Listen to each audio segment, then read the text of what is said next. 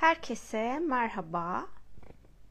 Bugün 99 enerjisi ile ilgili sizlerle konuşacağız. Sizin sorularınız varsa sorularınızı da paylaşabilirsiniz. Dün canlı e, dün akşam yani cuma canlı yayınlarında bir bölüm konuştuk 99 enerjisi ile ilgili olarak. Bugün 99 enerjisiyle ilgili bir meditasyon yaptım. Orada da böyle birazcık konuştuk. Burada da Instagram'da çok uzun zamandır canlı yayın yapmıyordum. Bir hani sadece Instagram'ı kullananlar için bir sohbet edelim diye açtım. Dilerim her birimize şifa olur. Ben bu arada şeyden bilgisayardan açmaya çalışıyorum ama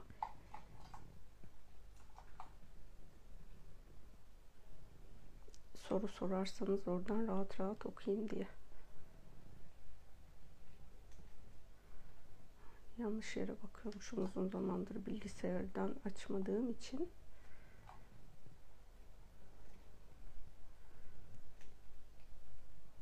Sizin 9-9 gününüz nasıl geçti bakalım? Güzel miydi? Beğendiniz mi? Keyif aldınız mı? 9-9 enerjisinden. İyi ki varsın Yasemin Derya Metin. Şifa oldu bile şükür. İnşallah olur. Teşekkür ediyorum. Hepimiz iyi ki varız. Hepimiz bu dünyaya bir renk, bir soluk katıyoruz. Sanırım ben buradan istediğim yere ulaşamayacağım gene.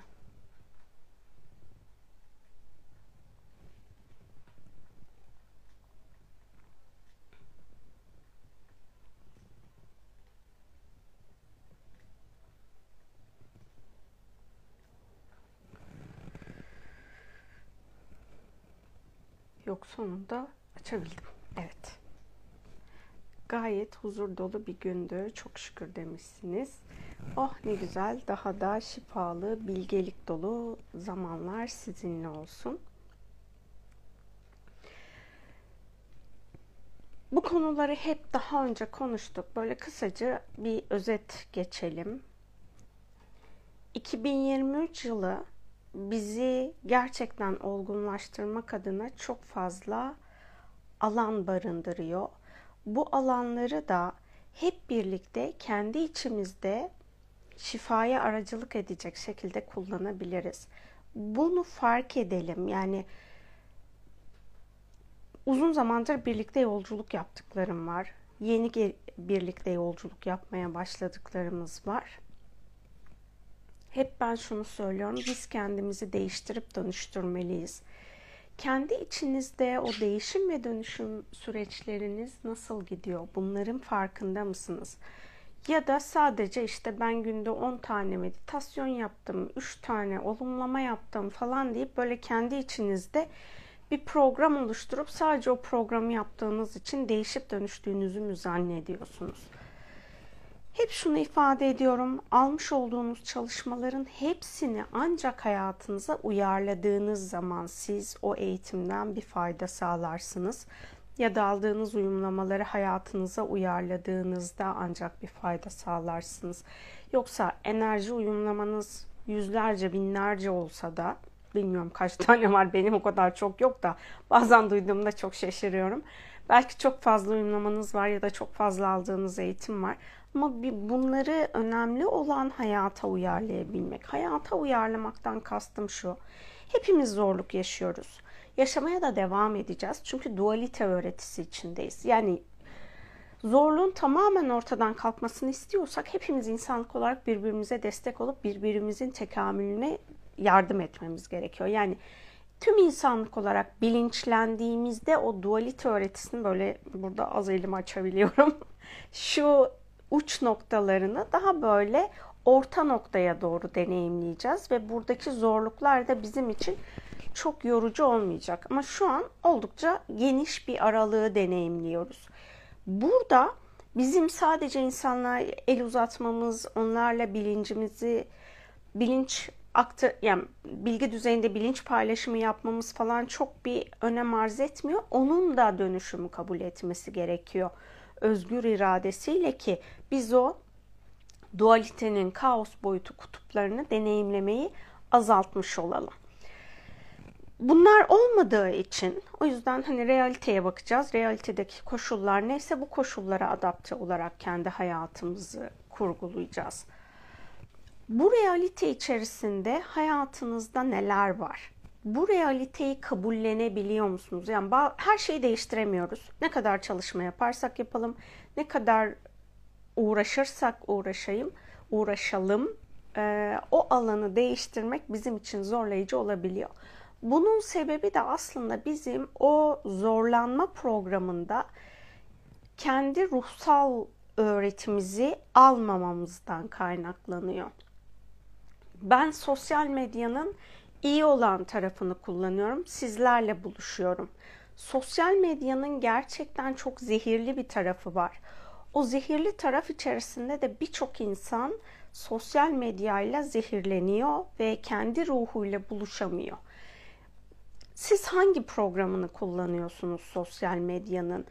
Hayatınızın her alanında her şeyi bir ve bütün yaptığınız zaman ancak kendi hayatınızda dönüşümü sağlarsınız. Yani sosyal medyanızda, dünyada, fiziksel olarak bulunduğunuz alanlarda, sevdiğiniz ya da sevmediğiniz insanlarla bir araya geldiğinizde ya da enerjisel boyutunuzda hepsini bu hani ete kemiğe bürünmüş halimizdeki deneyim alanında ne kadar dengede deneyimleyebiliyoruz önemli olan bu.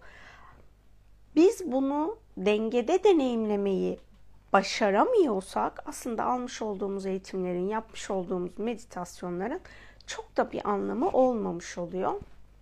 Bunu hatırlatmış olayım. Şimdi sizlerin yorumuna bakayım. Sonrasında ben tekrar konuşmaya devam edeyim. Harika bir gündü. Hiç tanımadığım yabancı bir hanımefendi beni yolda durdurup çok güzel şeyler söyledi. Tanımadığınız birinden böyle şeyler duymak harikaymış. Dün biraz daha ağır ve zorlayıcıydı ama çok şükür bugün benim için çok güzel geçiyor. Önerdiğin gibi kendi kendime de bir meditasyon yaptım. İyi geceler, hoş geldiniz. Evet, yapılan yorumlarımız bunlar. Güzel deneyimlerinizi paylaştığınız için teşekkür ediyorum. Bu ben canlı yayında şey söylemiştim işte hani ne kadar süredir kendi hayat yolculuğunuzu yapıyorsunuz. Bunu dün mü söyledim bugün mü söyledim çok emin değilim ama böyle bir analizini yapın yaşamınızın diye. Özellikle bu kişisel gelişim ya da ruhsal gelişim konularına ilgi duymaya başladıktan sonra hayat planınızda gerçekten neyi dönüştürdünüz ya da dönüştüremediğiniz konuları ne kadar kabule geçebildiniz?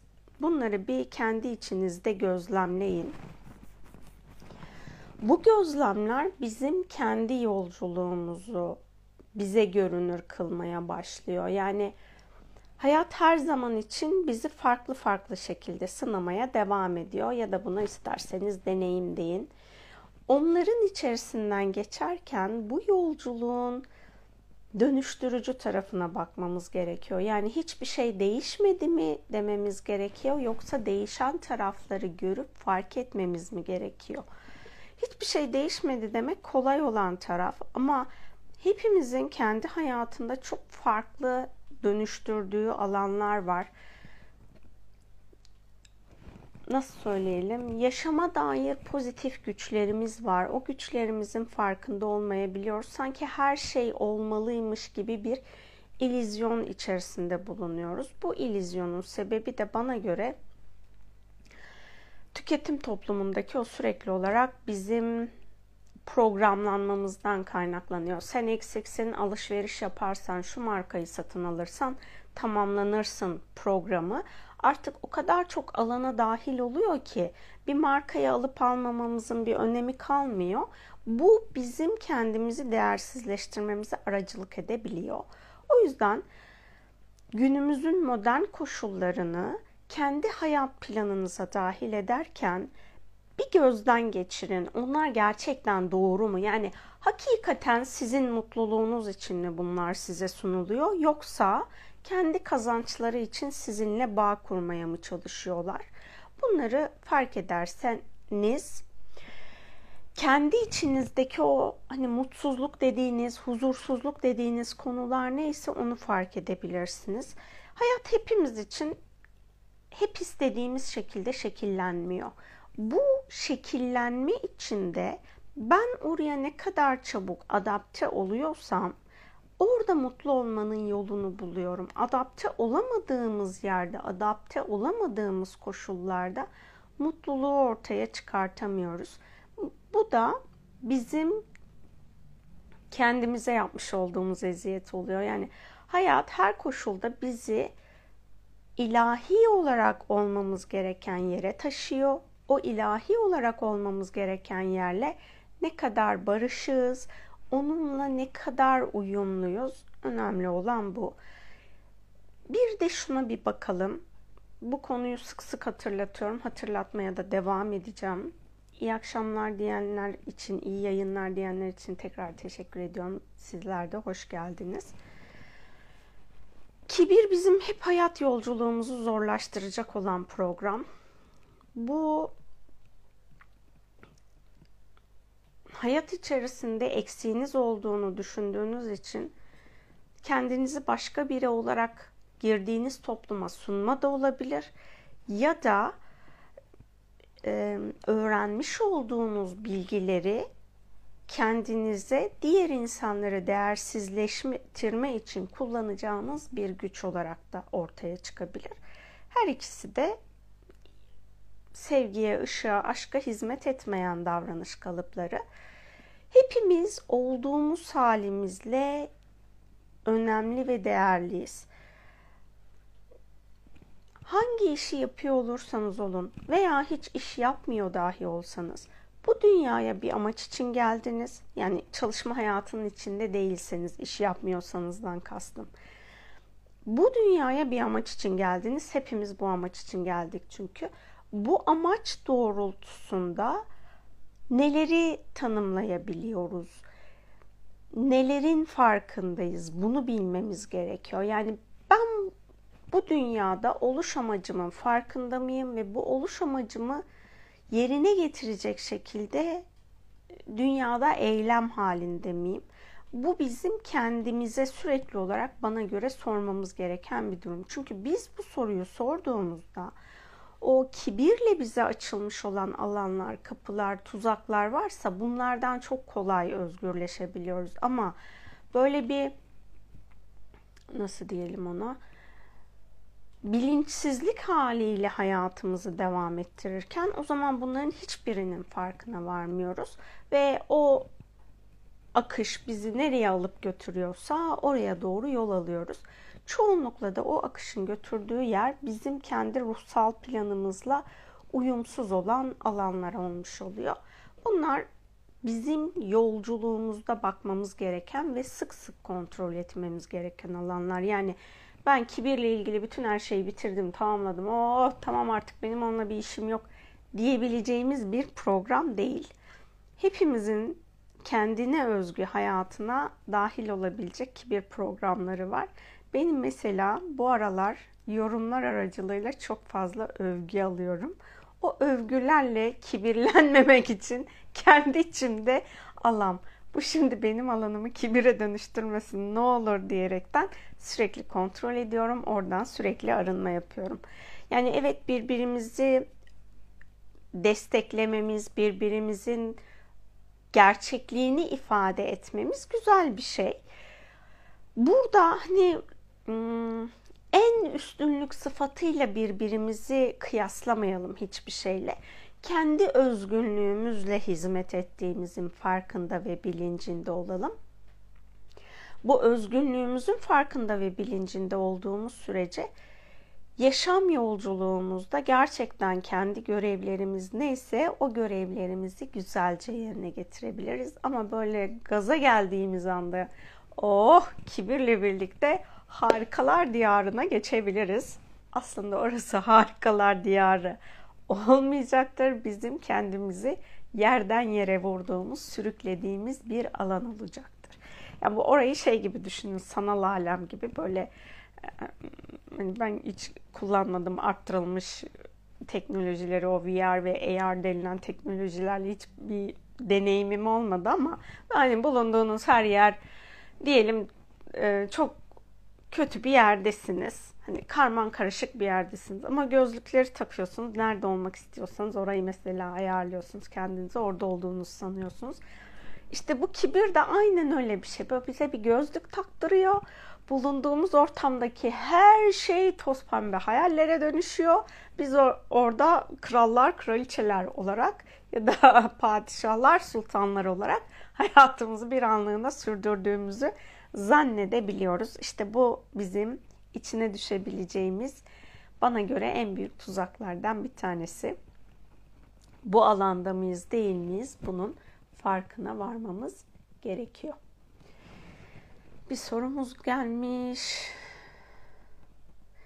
Bu alışveriş alanını nasıl dengeleyebiliriz? Ben çok alışveriş yapan biriyim ve güzel kıyafetlere sahip olmadığımda özgüven, özdeğer olarak çok kötü hissediyorum. Kendimi sevmiyorum yani bunları arındırmaya uğraşıyorum. Ya ben böyle hani çok çok alışveriş yapan bir insan değilim ama bu bu yıl yaşadığım bir deneyimi anlatayım. Hmm, yaz başında böyle kısa mesafelerde falan giydiğim bir sandaletim vardı. Onun böyle sağ solu çatlamıştı işte. Yani normal gerçek deri değildi. Suni deri olduğu için o deri ve altındaki tabaka birbirinden ayrışıyor. O da ayrılmıştı. Normal şartlarda hani o tarz ayakkabıların daha önce olduğunda bir hafta 10 gün içerisinde dağılıp parçalanıyordu atıyordum ben de. Bunu da öyle düşündüm. Aman dedim neyse yırtılıncaya kadar giyeyim. Hala yırtılmadı. Ve onu e, giydiğim hani giyip dışarıya çıktığımda bazen şey oluyor ayaklarıma bakıldığını hissediyorum. Hani onun bakıp bakmadığını bakma tarzında değil de öyle bir şeyi hissettiğimde o alanda böyle kendimi huzursuz hissetmeyip mutlu hissetmeye başladım. Bunu anlamadım hani neden mutlu hissettiğimi. Sadece benim örneğim şu oldu. Benim gençlik dönemlerimde Hayrettin Karaca'nın sürekli olarak paylaşımlarını görüyordum. İşte o kendine kıyafet almadığını söylüyordu.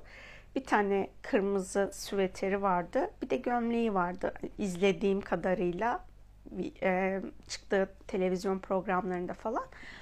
O hani onun bu böyle ve Karaca bildiğim kadarıyla da Hayrettin Karaca Karaca kazaklarının sahibi ya da yöneticiliğini yapmış bir insan. Yani giyim sektörünün içinden gelen biriydi.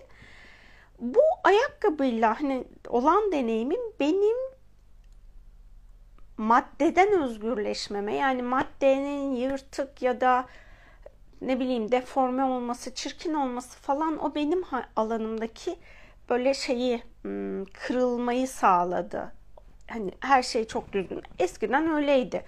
Ayakkabımda falan böyle boyası moyası gittiği zaman ya da bir yerlerine bir şey olduğunda hemen yeni ayakkabı alırdım. Veya çantalarımda hani bir şey olduğunda böyle yırtık, çatlak, pat falan bir şeyler olduğunda de, ufak tefek deformasyonlar hemen yenisiyle değiştiriyordum. Ha, bunu yapmamın sebeplerinden bir tanesi de bizim bu evin karşı tarafına açılan kafelerde çok aşırı tüketimi gördüm ve oradaki o tüketim e, çılgınlığının hani bana ters durumu yansımış oldu. Ya yani oradaki ya evet ya hani böyle bir sektör var, böyle bir durum var ve biz buraya çekilmeye çalışıyoruz. Benim buraya girmemem gerekiyor diye e, buradaki benim hani bakış açım bu oldu. Şöyle bir şey yapabilirsin. Hani gerçekten senin için güzel olmadığını düşündüğün, dışarıda giyilmeyeceğini düşündüğün kıyafeti giyip bence dışarıya çık. O bizim kendi içimizde oluşturduğumuz kendimize ait ön yargıların kırılmasına sebep oluyor. Hani bu buna benzer kıyafetle ilgili değildi de saçım kıvırcık olduğu için benim istediğim şekli almıyor saçım. hiçbir zaman için. O yüzden artık saçımı bir şekle şemale sokmaktan vazgeçtim. Bu saçıma taktığım zamanlardan birinde fuara gittim. Ben kitap fuarına gittim. Onun yanında başka bir fuar daha varmış. İşte orada e, akbil almak için sıraya girdim. Arka tarafımda da yurt dışından gelmiş birileri vardı. Bana çok güzelsin dediler. Hani öyle iltifat edilmeyi gerektirecek bir sohbetimiz falan da olmadı. Sonra dedim ki bak Yasemin dedim. Hani sen kendine göre o halini beğenmiyorsun. Hani saçımla ilgili olarak aman dedim neyse ya uğraşmayacağım seninle gidiyorum dedim. Beğenip çıkmadım yani saçımın halini. Ama başka birinden böyle bir iltifat aldım ve hiç tanımadığım birinden ve ayrı kültürlerden olduğumuz insanlardan. Yani orada o dış görünüşümüzü biz kendi içimizde şekillendirdiğimizde, onu çirkin bulduğumuzda, kötü bulduğumuzda falan bu defa biz o tüketim e, programının oltasına takılıyoruz. Yani böyle bizi balık için, gibi avlamak için bir olta atıyorlar. Biz de o oltaya takılıyoruz ve aa bunu alayım yok bu da olmadı. Şu da şöyle oldu burası böyle oldu deyip hani elimizdeki bütün kıyafetlerin neredeyse giyilecek hiçbir şeyimiz olmadığı yanılsamasına düşebiliyoruz. Geçenlerde paylaşmıştım işte bir gardıropta 74 74 parça kıyafet olduğunda aslında kişi günlük hayatın yani uzunca bir süre hayatını idame ettirebilecek giyim alışkanlıklarına sahip olmuş oluyor. Yani oradaki satış ve pazarlama ile ilgili yaptığım benim e, çalışmalar var. Arzu edersen onları ses kaydı yapıp günlük dinleyebilirsin. Bir de hep şunu sorun deniliyor. Daha önce linkini paylaştım. Foder'in bir finansal okur yazarlık diye ücretsiz kursu var. O kursa katıldığınızda paranızı yönetme ile ilgili olarak orada bilgi veriliyor ve orada sunulan şu. Satın alacağınız şey sizin isteğiniz mi, ihtiyacınız mı? İsteklerinizi almayın, ihtiyaçlarınızı alın deniliyor. İhtiyaçtan kasıt da hayatta kalmak için almanız gereken, zorunlu olduğunuz ihtiyaçlar. Ya işte hani gıdaları da mesela iste, istek alanı var, ihtiyaç alanı var. Bunu alışveriş yaparken o istek ve ihtiyaç halini mutlaka satın alırken bir şey almak istiyorsunuz diye bu benim isteğim mi ihtiyacım mı diye sorun. Orada da öyle söylüyor. Bir 10 saniye bekleyin diyor. Bu alışkanlıklar bizim o otomatize olan davranışlarımızı etkilemiş olacak. Arzu ederseniz böyle bir yöntemi kullanabilirsiniz ya da gerçekten dediğim gibi o kendi içinizdeki ön yargılardan kurtulmak için eski dediğiniz, beğenmediğiniz bir kıyafetinizi giyip topluluk içerisine dahil olabilirsiniz. Böyle çok lüks bir yere gitmeyin de biraz daha böyle günlük sokakta yürüyeceğiniz şekilde mesela markete alışverişe giderken öyle bir giyim tarzınızı yapabilirsiniz. Hani bunu böyle çok büyük davranışlar olarak yapmayın. Minik minik olacak şekilde yaparsanız onlar sizin hayatınızı biraz daha değiştirebilir. Bir soru vardı. Çalışma yapacak mıyız diye. Yok. Burada çalışma yapmayacağız. Burada sadece konuşacağız. Sabah bir tane canlı yayın yaptık sabah değil akşamüstü bir video yaptım zaten meditasyon. O yüzden burada sadece konuşma yapacağız. Ha, konuştuğumuz her şeyin de şifaya dönüşmesine niyet ederek ben canlı yayına başlamıştım. Rica ediyorum. Karbon ayak izi hakkında ne düşünüyorsunuz derken hani bence onu azaltmalıyız. o yüzden alışverişlerinizi az yapın deyip sürekli size bunun hatırlatmasını yapıyorum. Şöyle söyleyeyim. Şimdi ben size birçok işte geri dönüşüm yapın ya da bir şeyleri tasarruflu kullanın tarzında paylaşımlar yapıyorum. Ama bunun en temel noktası bizim az alışveriş yapmamız. Çünkü biz evimizde kullandığımız su miktarı yani bizim bir ayda kullandığımız su miktarı birçok fabrikanın gün içerisinde birkaç saatte tükettiği su miktarı kadar ya da kullanmış olduğumuz elektrik enerjisi yine bir işletmenin birkaç saatlik enerji, aylık tüketimimizden bahsediyorum. Birkaç saatlik enerjisine eşdeğer olmuş oluyor. Bu nedenle bizim gerçekten dünyadaki karbon salınımını azaltmak için yapacağımız en büyük eylem alışveriş yapmayı azaltmak olacak.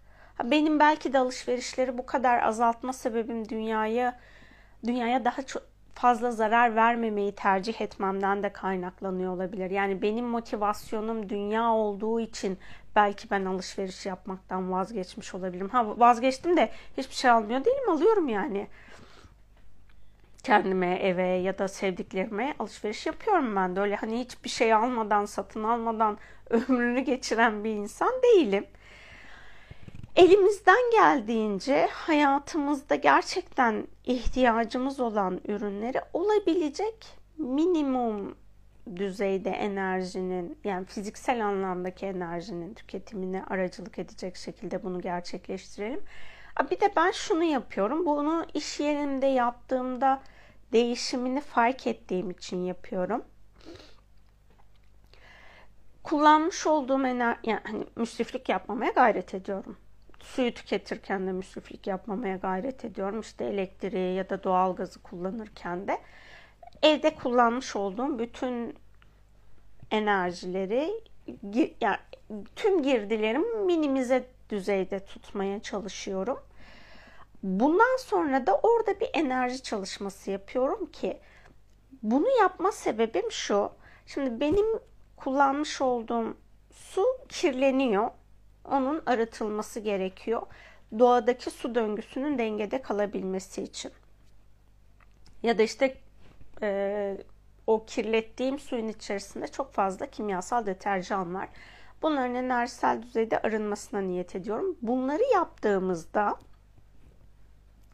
dünyadaki var olan teknoloji bizim yapmış olduğumuz çalışmalarla sorumluluğumuzu gerçekten alıyorsak o alan değişmeye başlıyor.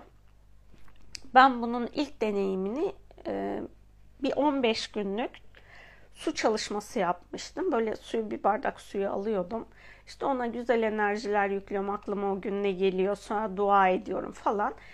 Çeşmeden dolduruyordum. İşte çalışıyorum, çalışıyorum, çalışıyorum. Ondan sonra o suyu lavabodan aşağıya döküyorum. Geldiğin gittiğin her yer ışık olsun diye. Daha sonra bu çalışmadan sonra İstanbul'da deniz dibinde bir temizlik yapıldı. Balık adamlar falan yaklaşık bir ya da bir buçuk ay sonra zaman konusunda çok iyi değilimdir.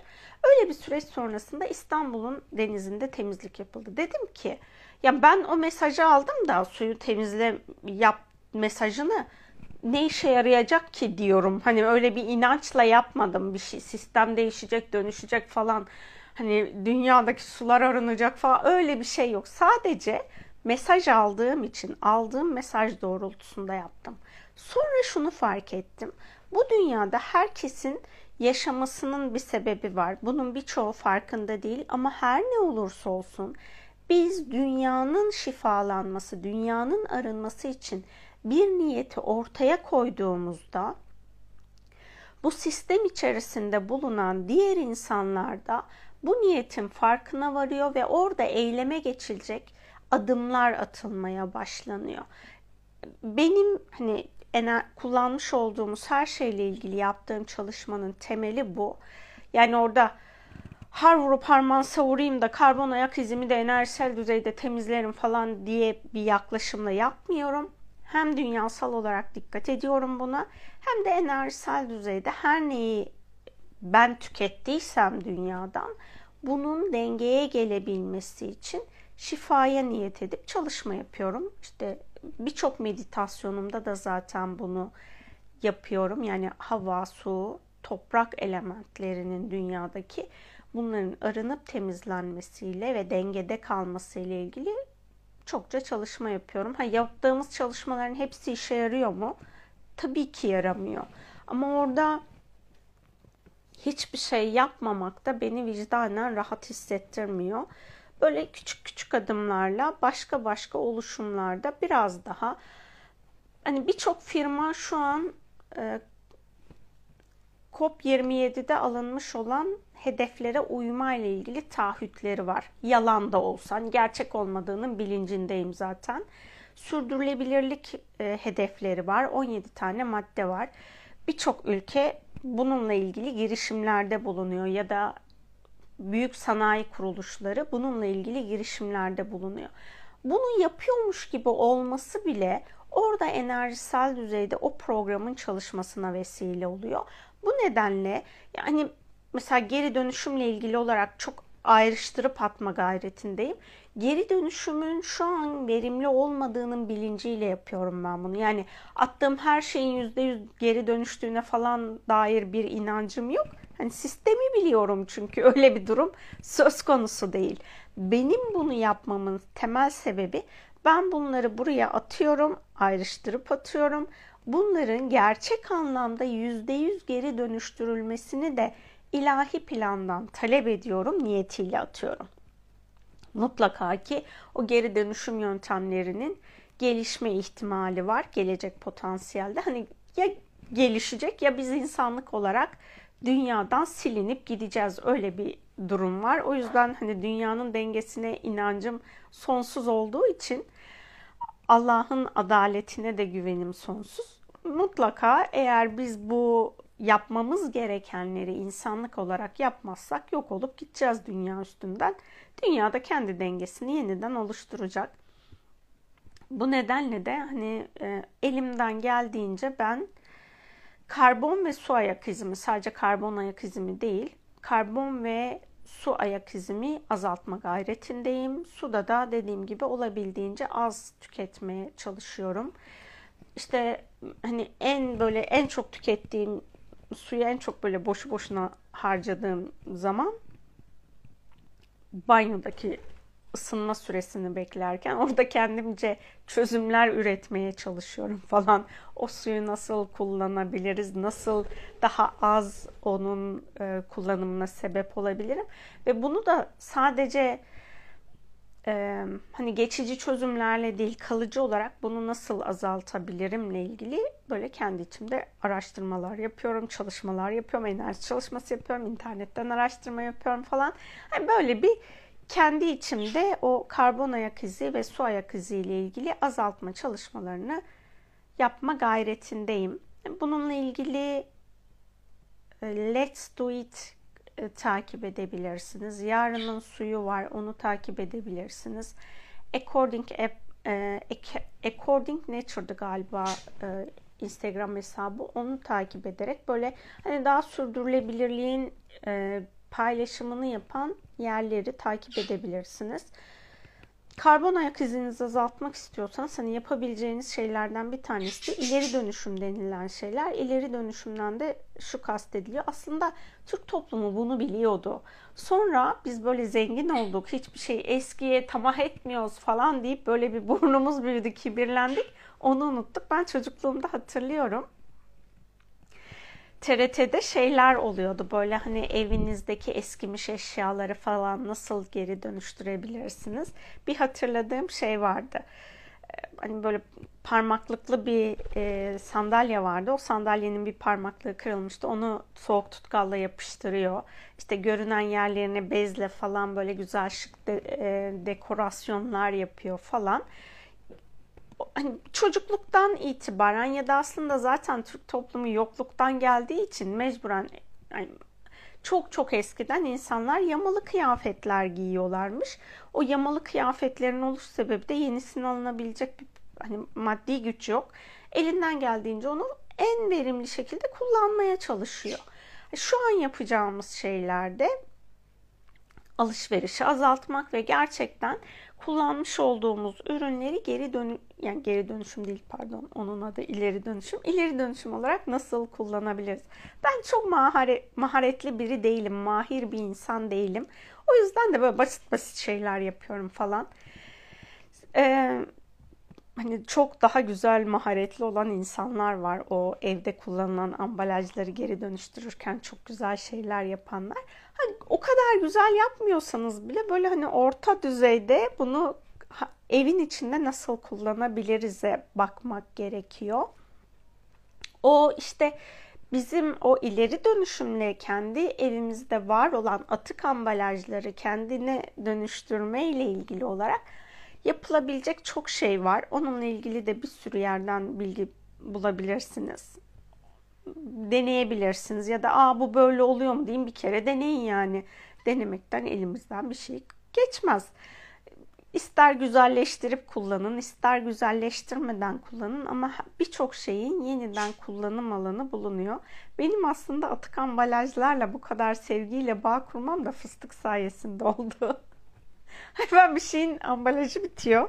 Onu atmak için böyle falan elime aldığımda Allah'ım fıstık bir seviniyor, bir seviniyor, bir seviniyor. Böyle hani ona dünyaları bağışlamışsın gibi çok keyif alıyor. Onunla oynuyor, ediyor, bilmem ne yapıyor falan. Hani o kadar büyük keyif alıyor ki ben dedim ki Allah Allah ya hani böyle atılacak şeyler aslında çok da gereksiz şeyler değilmiş demek ki demeye başladım. Ve ondan sonra hani daha yapılabilir ne varsa kullanabileceğim bir şey oluyor mu olmuyor mu onları bir düşünüp eğer kullanışlı bir şey yapabiliyorsam onu evde kullanabileceğim. Hani evi evde stoplama anlamında söylemiyorum bunu. Evde bir şeyleri kullanışlı olarak kullanabileceğim bir nesneye dönüştürebiliyorsam, bir bir şeye dönüştürebiliyorsam kullanım amacına uygun kullanmak.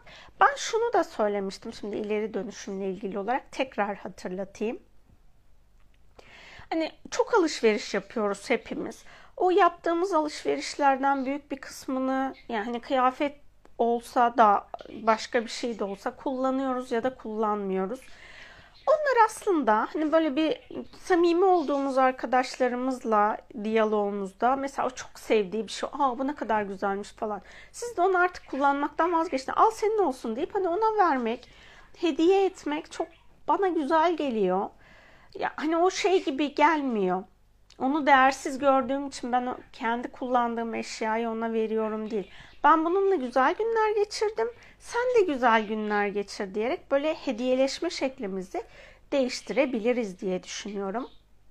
Tabii ki burada hani o hediyeleşmeyi kabul edecek. E, sizin kullanmış olduğunuzu bildiği eşyaları aldığında, kullandığında gerçekten mutlu olacak insanlarla bu değiş tokuşu yapmak bence güzel olur. Bu da bana göre bir ileri dönüşüm yöntemi. Sevdiklerimizle kıyafetlerimizi ya da eşyalarımızı paylaşmak ya da evde mesela kullanmış olduğumuz e, biblolar, şunlar bunlar falan oluyor. Onlar da uzun süre kalıyor bazen hani kırılmadığı sürece. Ondan bazen insanlar sıkılabiliyor. E sıkıldığınızda işte çöpe atmak yerine onu beğendiğini bildiğiniz birilerine hediye etmek. Bunu ama, ama şey diye değil bak. Hani ben bunu senin için aldım değil. Ben bunu kullanıyordum. Eğer istiyorsan sana veririm ama bu konuda lütfen gerçekten dürüstçe bana cevap ver deyip oradaki hani o ayıp olmasın diye alma hali falan var ya onları da böyle bir elimine ederek o paylaşım halini hayat planımıza dahil edebiliriz. Karbon ayak izi ile ilgili söyleyeceklerim bunlar.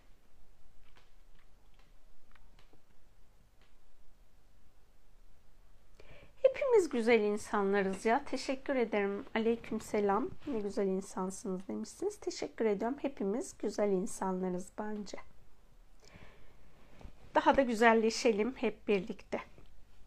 Sizin sorularınız varsa burada alabilirim. Hani konu normalde 9-9 diye açtım da soru sormak istiyorsanız herhangi bir konuda cevap verebileceğim sorularsa yazabilirsiniz de aynı konuları tekrar tekrar anlatmak istemiyorum çünkü. Bugün e, dünden beri yaptığım bu üçüncü yayın olmuş olacak. Tekrara girmesin. Sizin de zamanınızı almayayım. Sizin paylaşmak istediğiniz ya da sormak istediğiniz başka konular varsa onları paylaşabiliriz. Şunu da hatırlatayım. Hani bunu sık sık hatırlatıyorum. Tekrar hatırlatayım almış olduğunuz eğitimlerle ilgili, çalışmalarla ilgili benden ya da bir başkasından her kim olursa olsun bu bilginin ya da bu enerjinin benim tekamül yolumla uygun olan kısımları ve bilgeliği, ışık bilgeliği benimle olsun. Ötesinden özgürleşmem gereken zamanda özgürleşmeye niyet ediyorum. Bu niyeti yaptığınızda şöyle bir durum oluyor. Şimdi her enerjinin ya da her bilginin, her yöntemin kendine özgü bir frekans bandı var. Eğer siz bu frekans bandının üstüne çıktığınızda enerji ya da bilgi her neyse ama siz onu böyle ömrünüzün sonuna kadar taşımanız gerektiğini sanıyorsanız O zaman hani diyelim sizin frekansınız şöyle üst tarafta ama bu öğretiye tutunduğunuz için siz tekrar aşağıya düşersiniz frekans olarak. Bunları yapmayın. Ya da şöyle söyleyeyim bir insanı çok seversiniz. İşte hoca dediğiniz ya da e, spiritüel rehber dediğiniz, guru dediğiniz her neyse veya master dediğiniz kişiyi çok seversiniz ve ondan ayrılmak istemezsiniz.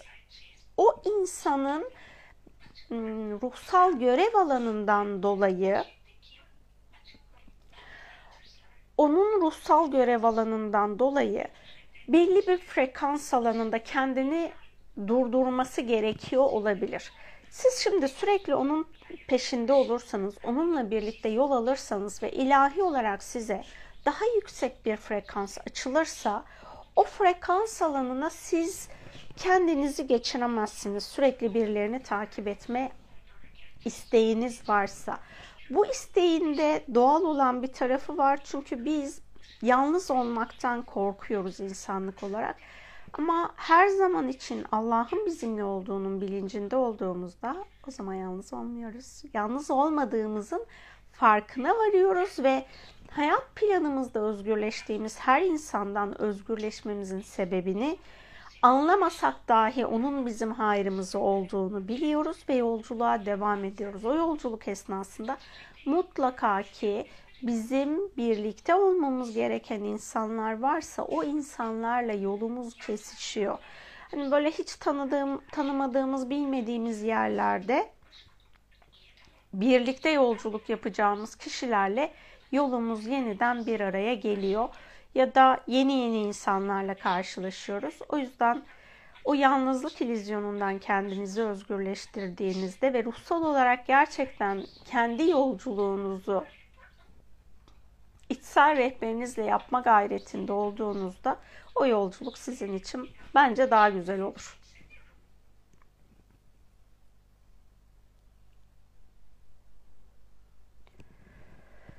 Niyeti tekrar alayım demişsiniz de bence yayını izlerken orada da yeniden izleyin. Çünkü birebir aynı şeyleri söyleyemeyeceğim. Sadece şöyle söyleyebilirim.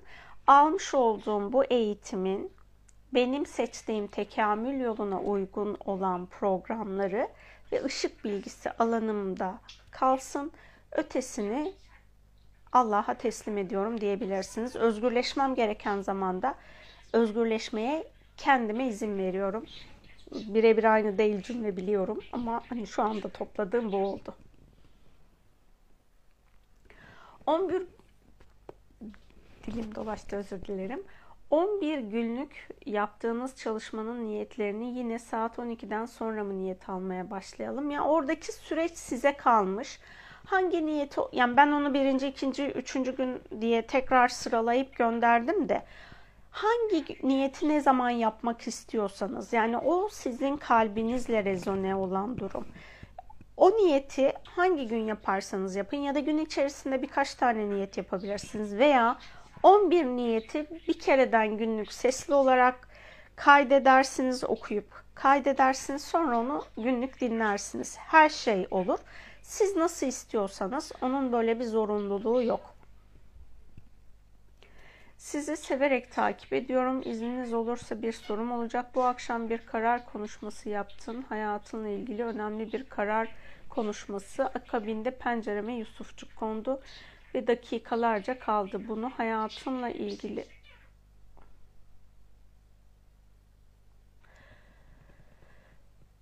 bunu bir bu kararı uygulamalı mıyım, uygulamamalıyım şeklinde hangisini alayım, hangisini almayayım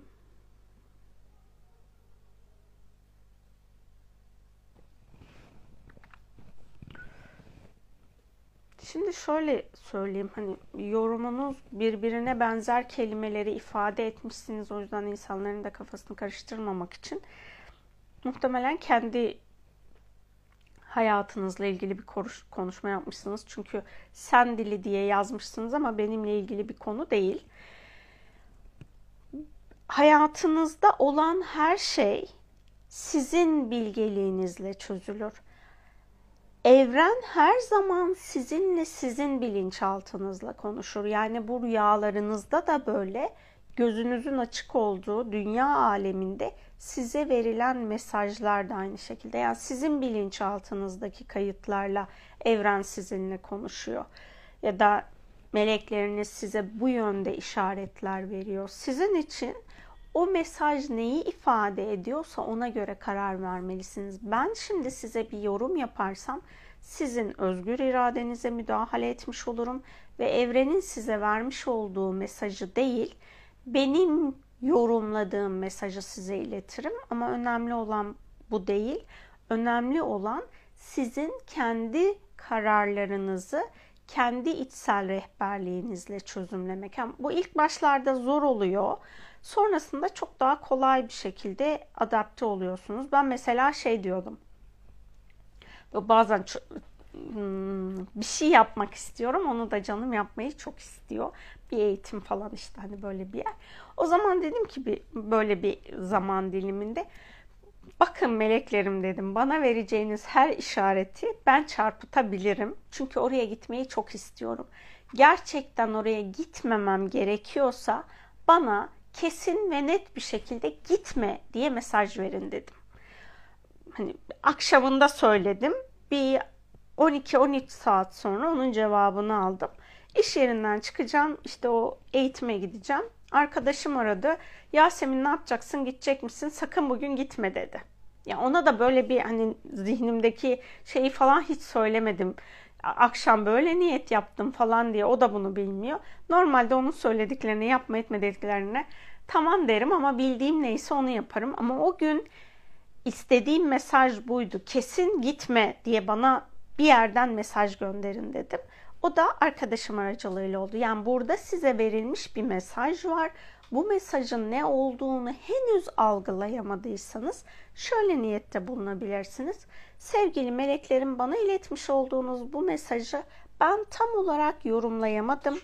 Bana benim anlayacağım basitlikte bu mesajın cevabını iletin lütfen diye niyet ederseniz böyle bir niyet tekrar alanınıza dahil olacaktır ya da netleşmenize vesile olacaktır.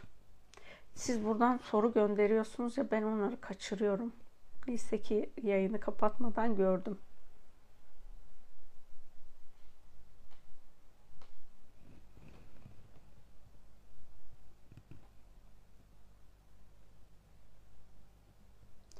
Tamam da bakın hani aynı yorumunuzu böyle 5-6 yerden yazmayın olur mu? Kafam karışıyor. Bir yerden görüyorum zaten.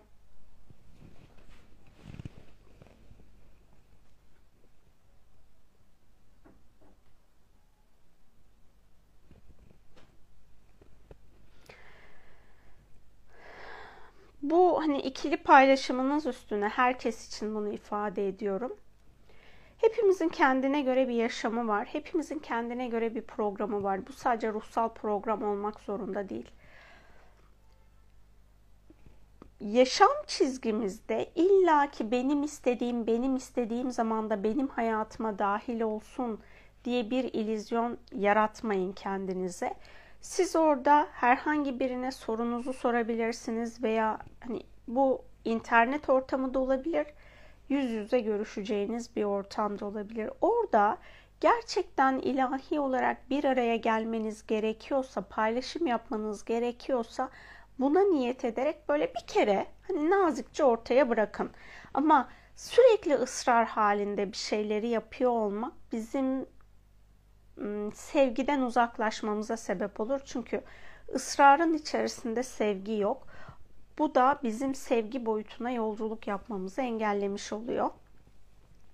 Geçtiğimiz hafta bizim Beylikdüzü'nde işte e, sevgi ve barış günleri ya da barış ve sevgi günleri tam isminin sıralamasını bilmiyorum. Böyle bir etkinliğimiz oluyor. O süreçte de Pelin Batu'nun moderatörlüğünü yaptığı konuşmalar vardı. Hani 3-4 gün sürdü de ben ancak o güne kavuşabildim. Diğerlerinde gidemiyordum.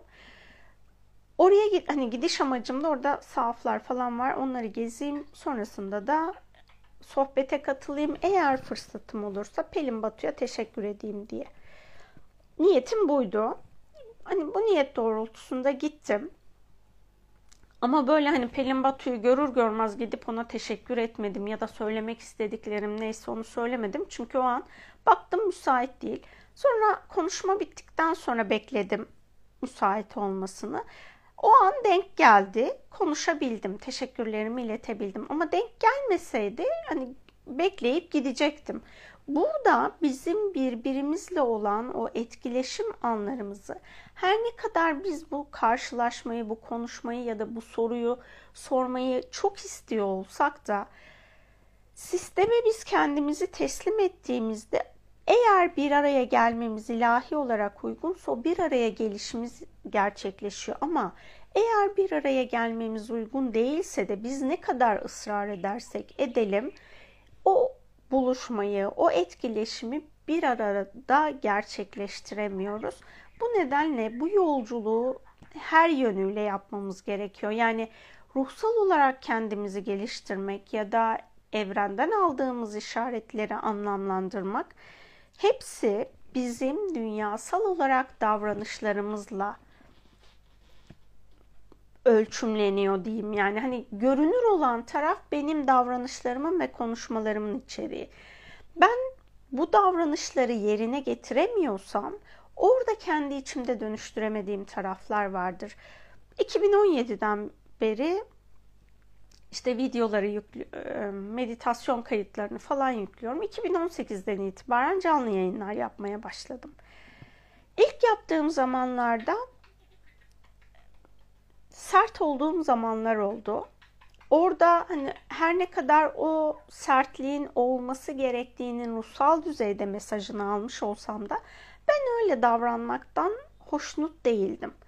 Bu nedenle de hep şöyle dua ettim. Allah'ım ne olursun eğer benim böyle rehberlik etmeden daha sevgiyle rehberlik etmem uygunsa bunu talep ediyorum birbirimizi üzmeden, kırmadan, birbirimizi hırpalamadan, yıpratmadan, enerjisel düzeyde ve kelimelerimizle birbirimizi yormadan rehberlik etmem, birbirimize yol göstermemiz, benim onlara bir şeyler öğretmem, onlardan öğreneceğim şeylerin benim alanıma dahil olması, daha sevgi odağında olması mümkünse bu olsun diye hep dua ettim.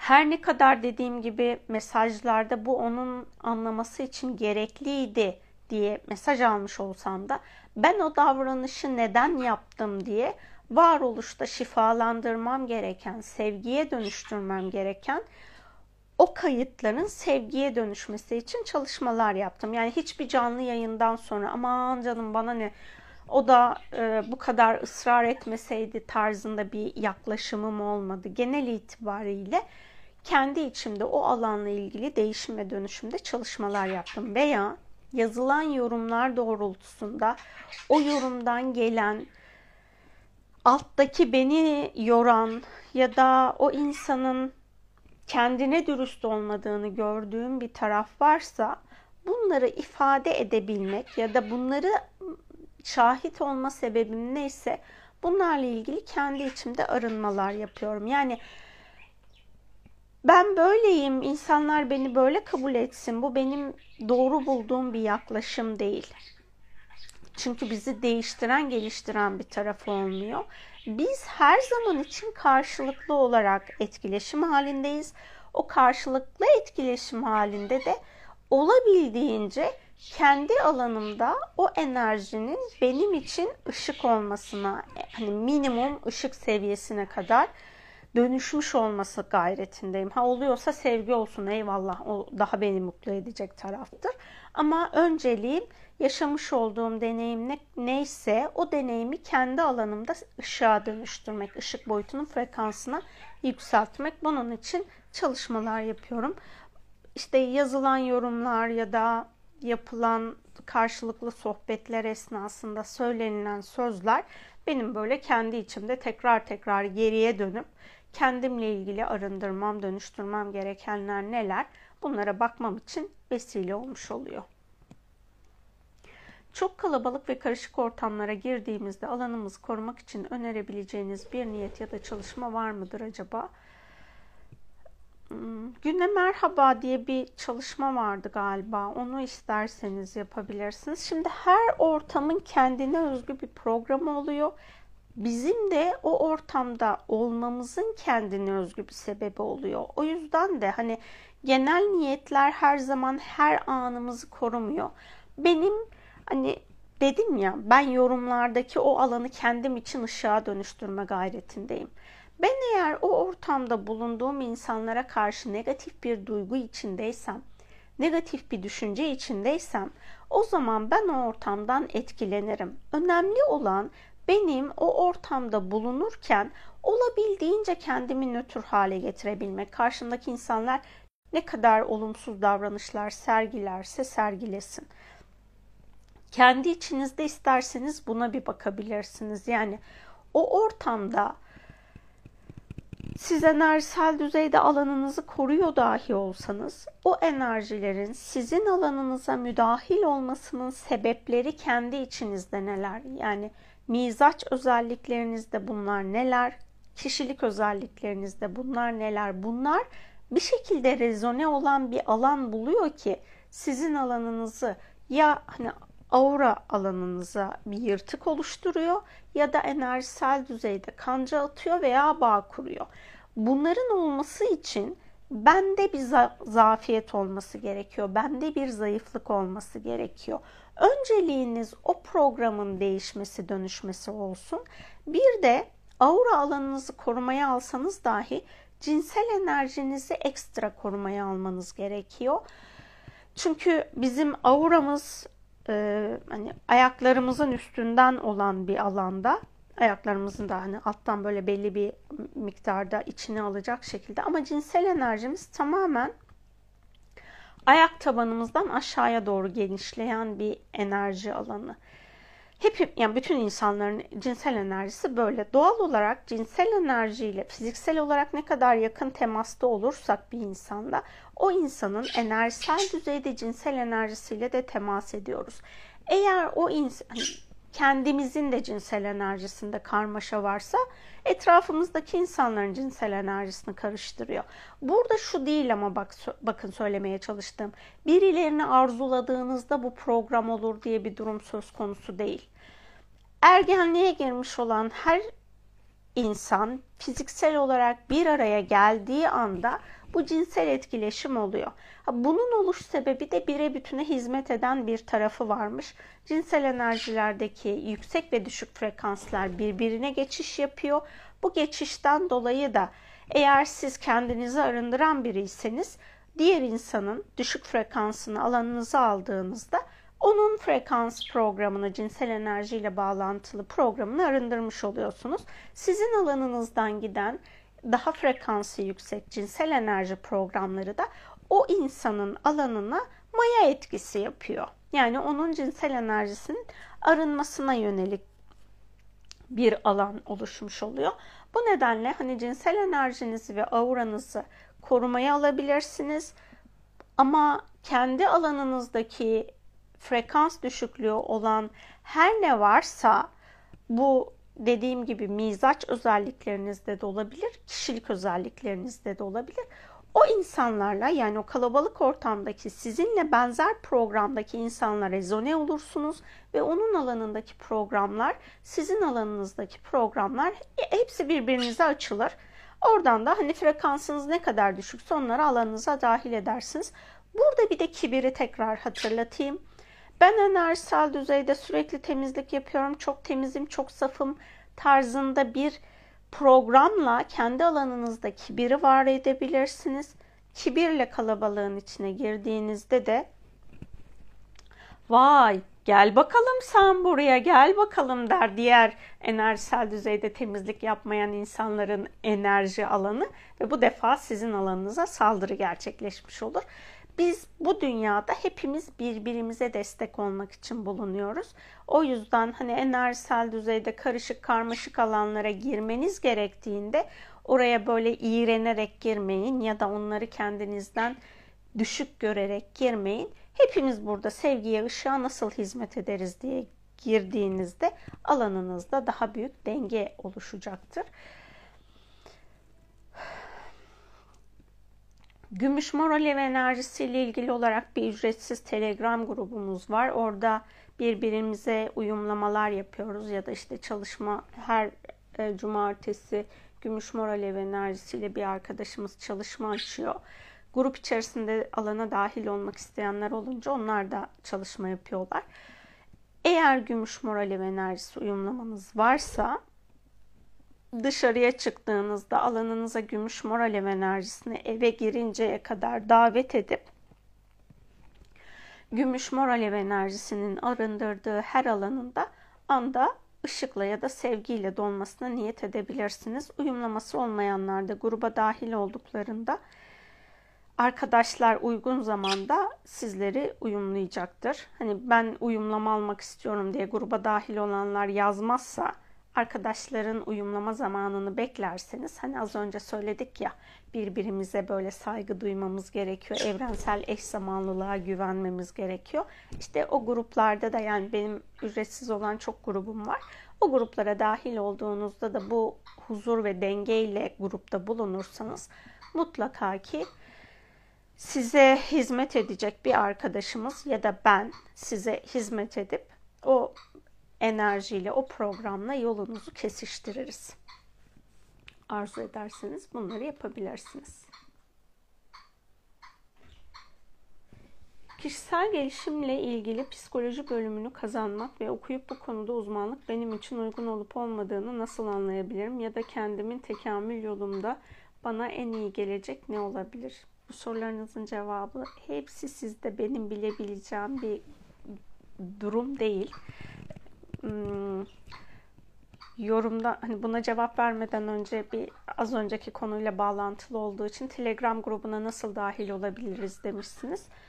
Profilimde Linktree'nin bir böyle hmm, ağaç şeklinde paylaşımları var. Yani orada çok fazla link alanı bulunuyor. Onların içinde bulunuyor zaten Telegram grubunun linki. Oradan dahil olabilirsiniz.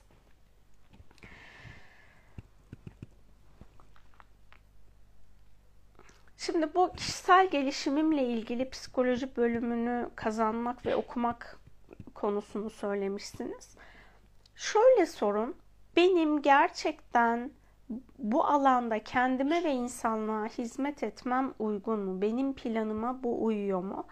Eğer uyuyorsa bununla ilgili olarak işte hani meleklerinizden benim anlayacağım şekilde sevgili meleklerim ya da ruhsal rehberlerim bana cevap verin, bana yol gösterin diye bunu sorabilirsiniz. Ben kendi içimde hani artık cevaplarımın %99'unu net bir şekilde alabildiğim için bir araca ihtiyaç duymuyorum. Ama araç e, net cevaplar almadığım zamanlarda sarkaç kullanıyordum ya da sonradan bir çubuk kullanmaya başladım. Siz de kendi içinizde bunu yapabilirsiniz kendinizle ilgili cevaplar için. Ancak şöyle bir şey var. Şimdi siz eğer kendi yaşam sorumluluğunuzu almazsanız bu kullanmış olduğunuz sarkaçlar ya da biyo çubuklar size cevap vermeyecektir. Önce gerçekten kendi sorumluluğunuz, kendi yaşam sorumluluğunuzu %100 alıyor musunuz? Bunun farkına varın. Yani kendinize yalan söylemeyin. Birçok insan işte kişisel gelişimle ilgili olarak ya da ruhsal dönüşümle ilgili olarak kendini kandırma meylinde oluyor. Bunu yaparsanız kendi kendinize zarar veriyorsunuz. Başka bir zarar verdiğiniz durum yok kendinize dürüst olduğunuzda, kendinize illüzyon yaratmadığınızda oradaki cevaplar sizi mutlu etmese dahi cevap sizin içinizde belirmeye başlıyor. O, hani kendime dürüst olmayı artık kabul ediyorum ve bu konuyla ilgili psikoloji alanı ile ilgili kendi sorumluluğum, bana ait olan sorumluluğu alıyorum niyetini yaptığınızda orada cevaplarınız varsa bunlar sizin alanınıza gelecektir. Benim daha önceden kullandığım yöntemlerden bir tanesi de yazarak hani soru sorup kendime cevap bekliyordum. Ya da işte hani ruhuma soruyordum, zihnime soruyordum. Ya da yüksek benliğime soruyordum. O zamanlar bunları biliyordum. Onun dışındakileri bilmiyordum. Orada hani mesela şu şu şu konuyla ilgili karar verirken nasıl bir yol izlemeliyim, yüksek benliğim diye soruyu sorabilirsiniz. Önceleri belki sizin zihninizdeki sorular hani cevaplar belirecektir. Yazmaya devam edin. Aynı soruyu sormaya devam edin. Orada mutlaka ki yüksek benliğinizin size olan cevabını fark edersiniz. Bazen şöyle oluyor. Şimdi bizim özgür irade seçimi yapmamız gerekiyor. O özgür irade seçimi yapmamız gerektiği zamanlarda ne ruhumuz, ne yüksek benliğimiz, ne de meleklerimiz bize cevap vermiyorlar. Neden? Çünkü biz aklımızı kullanıp orada özgür irade seçimini yapmamız gerekiyor. Yani sizin bu yol ayrımında hangi aracınızı kullanmanız gerekiyor? Onun da farkına varmanız gerekli. Sordunuz, sordunuz, sordunuz cevap alamıyorsanız o zaman siz kendi sorumluluğunuzu alıp özgür iradenizle seçim yapmanız gerekiyor. Her zaman için bizim o hayallerimizdeki gerçeklik e, hayat planımıza dahil olamayabiliyor. Benim mesela sosyoloji bölümüne giderken ki hayalim şuydu. Ben toplumsal olarak insanların kendini geliştirmesine nasıl yardım edebileceğimin yolunu öğreneceğim diye girdim sosyoloji alanına. Ama böyle bir şeyle karşılaşmadım. Ee, belki psikologlarla konuşabilirsiniz. Bu konuda gerçekten psikoloji eğitiminin size faydası var mı yok mu onu öğrenmek adına. Ben kimya mühendisliği okudum. Hani örgün eğitimde kimya mühendisliği okudum. Daha sonra açık öğretimde iki ayrı üniversite daha bitirdim. Örgün eğitimde okuduğum süreçte böyle hani çok aşkla yazdığım bir bölüm değildi kimya mühendisliği benim. Sonrasında ruhsal planımı anlamaya başladığımda kimya mühendisliği benim gerçekten hayatımın merkezindeki bir alanmış. Onu fark ettim. Yani benim mutlaka ki ya kimyager olmam gerekiyormuş ya kimya mühendisi ya da kimya teknikeri. Yani kimya ile bir bağ kurmam gerekiyordu benim okul aracılığıyla, iş aracılığıyla. O yüzden benim o hani seçmiş olduğum kimya mühendisliği benim ruhsal planımda önemli yerdeydi. orada çalışırken evet iş yap, işi severek yaptım ama çok zor koşullarda çalıştım. Yani ben kimya mühendisi olarak çok zorlandım. Daha sonra işte bu sene seçim e, üniversite tercihi yapacak biriyle tanıştım. O da kimya mühendisliğini tercih edecekmiş. Dedim ki bak hani gerçekten çok büyük bir aşkın vardır kimya mühendisliğine karşı. Onun önüne geçmek istemiyorum ama hayalin ne kimya mühendisi olurken olmak için dedim. Orada o hayalinle u, u, uyuşmayacak çok çok şey var. Kendi deneyimlerimi anlattım falan. Yani sonrasında o da kimya mühendisliğini yazmaktan vazgeçmiş. Yani tekrar konuşmadım neden vazgeçtiğine dair. O onun seçimi. Siz de bir psikologla sohbet ettiğinizde ona kendi hayallerinizi sorup bu hayallere ben oradan ulaşabilir miyim sorduğunuzda o cevaplar size belki yol gösterici olacaktır.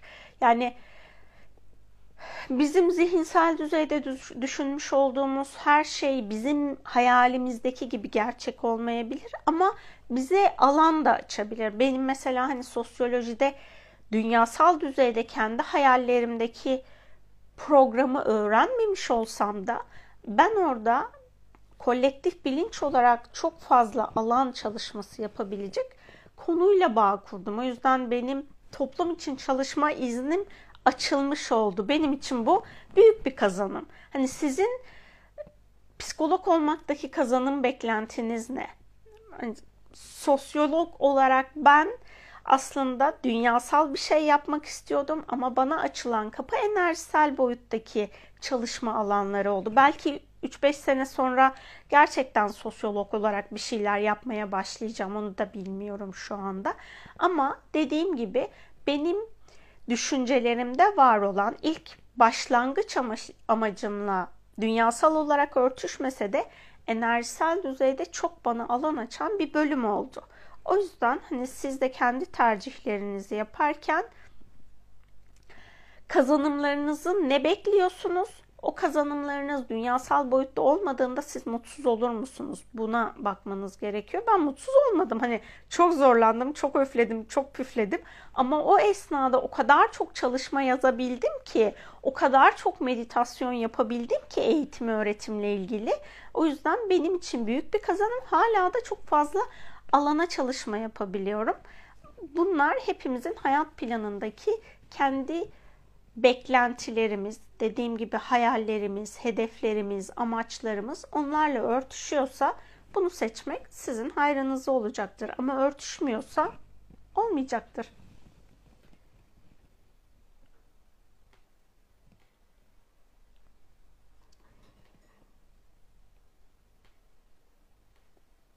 Başka sorumuz daha vardı. İyi ki de kurdun o bağı yoksa seni nasıl tanıyacaktık? İyi ki varsın. İyi ki. Çok teşekkür ediyorum güzel dilekleriniz için. Hepimiz iyi ki varız. Ha, ben bu kadar çalışma yapabiliyorsam, yazı yazabiliyorsam bu tek benim maharetimden değil. Hepinizin bana gerçekten sevgiyle açmış olduğu alanlardan kaynaklanıyor. Yani yazdığım her yazının, yazdığım her olumlamanın sizin açmış olduğunuz alanlarla da mutlaka ki bir bağlantısı var. Çünkü enerjisel düzeyde çalışma yapabilmek için ya oranın içinde yani ya o deneyimi yaşıyor olmanız lazım ya da birinin o deneyim alanında olanlardan size izin veriyor olması lazım. Sizler de bana çok fazla destek oluyorsunuz. Bunun için çok teşekkür ediyorum. Yani ben bir şeyler yapıyorsam bunu tek başıma yapmıyorum. Gerçekten birlik bilinciyle yapıyoruz. Siz düşünüyorsunuz. Ondan sonra ben o konuyu ya rüyamda görüyorum ya bir şekilde kendi kendime çalışma yaparken o alandan bilgi açılıyor veya sizin yazmış olduğunuz yorumlar, sorduğunuz sorularla o alan açılıyor. O yüzden hepimiz birlikte bu alanı şekillendiriyoruz. Ben sadece bunu yazılı ya da sözlü olarak ifade eden olmuş oluyorum.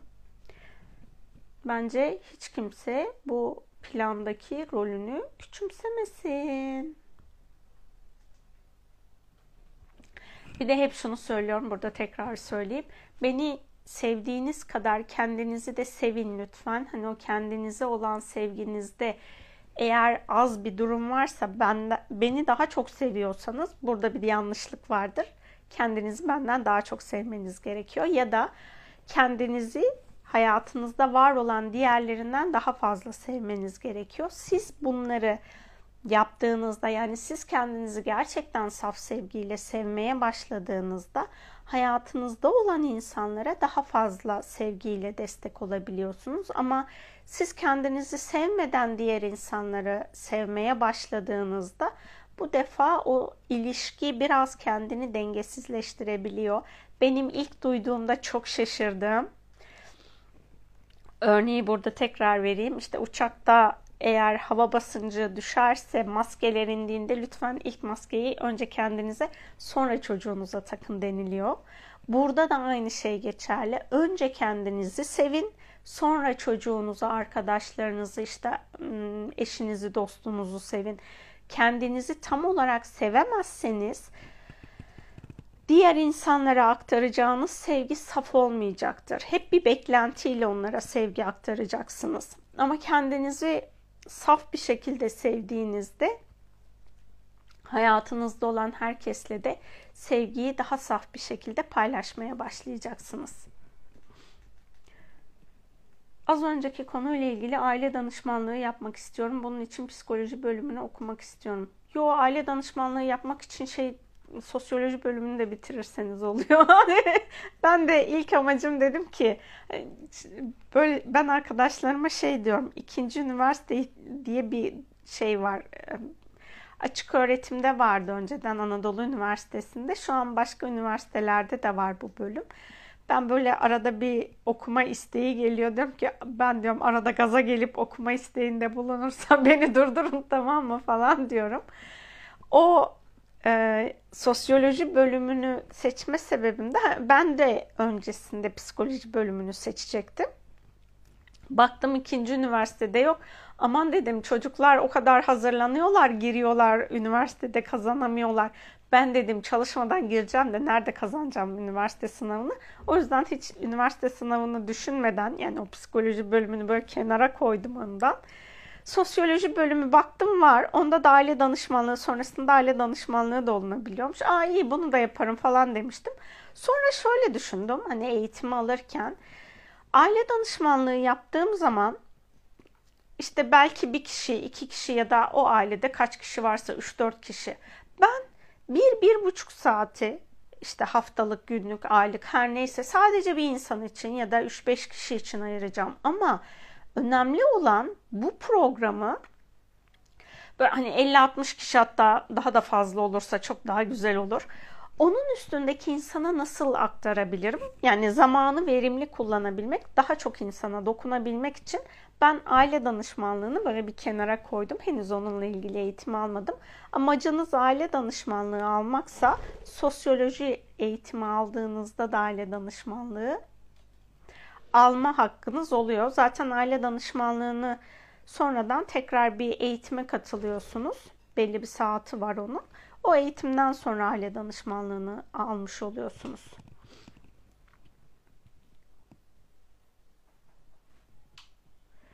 Ruhsal planımızın farkında olmadığımız zamanlarda, ruhsal planımızda olmayan seçimler yaptığımızda, bu daha geniş plandan baktığımızda yine de ruhsal planımız dahilinde mi olmuş oluyor?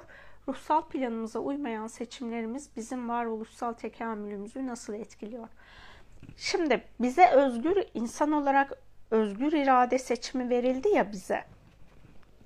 O yüzden illaki ruhsal planımıza uyma zorunluluğumuz yok. Ha, ruhsal planımız da böyle hani şey değil, dünyasal olarak var olan sistemler gibi katı bağlarla bağlı değil. Alternatif planlarımız da olmuş oluyor. Yani o an belki o hmm, hiyerarşi mi diyelim, silsile içerisinde o an için uygun değildir benim yapmış olduğum özgür irade seçimi. Ancak ben orada o seçimin benimle uyumsuz alanlarını fark edip onu dönüştürdüğümde daha sonra ruhsal planımla e, uyumlanacak bir alanı bulur ve ben orayla tekrar bağlarım kendimi. Ama burada işte bugün videoda da söylemiştim meditasyon öncesinde. Dünyaya özgür irade seçimlerimi yaparken vur patlasın, çal oynasın aman dünya umurumda değil ben yeter ki mutlu olayım diyecek bir seçim programı içinde olduysam hani kendi gelişimim ya da varoluş benim için önemli değilse sadece zevk önemliyse benim için orası zaten o hani benim ruhsal planımın tamamen tersi olan bir durumdur ve ben orada bu ters seçimi yaptığımın da farkına varmam ilerleyen yıllarda. Ama ben bunun farkına varıp kendi içimde o pil, o seçimimi ruhsal planıma uygun hale getiriyorsam orada bana yeni programlar dahil olur. Lineer zaman bizim dünyada kullanmış olduğumuz bir zaman. Bu öğretiyi yani diyelim benim ruhsal planımda affetmeyi öğrenmek var. Affetme benim yaşam derslerimden bir tanesi. Ben affetmek için hani o öğretiyi bana öğretmek için gelen 3-5 insan oldu diyelim. Onlara kibirle yaklaştım. Sen de kim oluyorsun? Hadi git dedim. Yolumu ayırdım onlardan diyelim. Onları hiç affetmedim ya da ömrümün sonuna kadar bu yaşamda ben o affetme deneyimini hiç yaşamadım. Ne olacak? Hani benim öldüm diyelim. Öldükten sonra o plan yenilenecek ve ben bu deneyimi, bu öğretiyi her nerede tam, tamamlayacaksam o öğreti içerisine geçeceğim. Ee, evrensel boyuttaki o zaman döngüsü lineer zamandaki döngüden daha farklı ama her halükarda ben tekamülümü yavaşlatmış oluyorum. Şu an mesela dünyada yaşıyor olmamız bana göre büyük fırsat. Bizim geçmişte yapmış olduğumuz o sadece bu yaşam için değil, tüm varoluşumuzdaki planlarımızı, ana planımızı saptıracak çok fazla seçim yapmış olabiliriz. Ama bu dünyadaki bu zaman diliminde onları çok hızlı bir şekilde varoluş planımıza uyumlayacak potansiyel de bulunuyor ve böyle bir fırsatımız da var. Yani şu an dünyada insan bedeninde yaşıyor olmamız çok büyük şans. Bu şansı kullandığımızda ben her neyi yanlış yapmış olursam olayım yani varoluş planımı ne kadar saptırmış olursam olayım bu yaşamda onların hepsini hizalayabilme e, fırsatına sahibim. Ha, bu tabii ki yan gelip yatarak olacak bir durum değil. Gayrette olacağım. Attığım her adımın farkında olacağım. O adımlarda eski davranış kalıplarımı yerine yenilemeyeceğim. Yani onunla eskiden olan kaos öğretilerini bu yaşamımda elimden geldiğince kullanmama gayretinde olacağım. Ben bu gayrette olduğumda o programların her birini değiştirip dönüştürme ihtimalim var.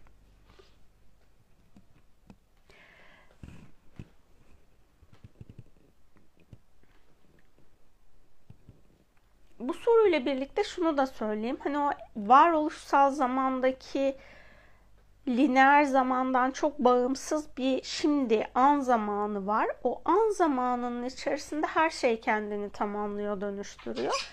Ama hani biz bu dünyada böyle insan olduğumuz için geriye dönüp dönüp tüh keşke şunu yapmasaydım ya ya da tüh keşke şu şöyle olsaydı falan. Hani o keşke programını biz bu yaşamda var ediyoruz. Çok büyük sapma yapmadıysak ruhsal varoluşsal planımız her zaman için kendini anın içinde tamamlayabilme potansiyeline sahip ama lineer zamanda biz o keşkelerimiz, eyvah eyvahlarımız falan bizi birazcık frekans olarak dengesizleştirebiliyor. Gözlerine perde inen birinin hakikati görmemesi, etrafındaki insanları kırması, anneye, babaya, düşman gibi davranması, hal böyle olunca nasıl ve ne yapabiliriz? Şimdi bu belki onun ruhsal planı, onu bilmiyoruz. Yani her birimizin kendine özgü bir ruhsal planı var. Belki anne baba ondan öyle bir öğreti öğrenmesi gerekiyor. Yani plan içinde bulunan bir ortak ders alanımız var ya. Kimilerimiz orada etken oluyoruz, kimilerimiz edilgen oluyoruz. Hepimiz birbirimize öğreti sunuyoruz ama orada yani yaşı büyük olan, yaşı küçük olana öğret öğretecek diye bir zorunluluk yok. Herkesin planı kendine özgü ya da illaki ailemizle bir şey öğreneceğiz diye bir durum söz konusu değil. Orada mutlaka ki bir hikmet var, mutlaka ki bir sebep var. Onun hani göz e, hakikati görmesini engelleyen perde Allah'ın ol dediği anda o perde kalkabilecek bir durumda.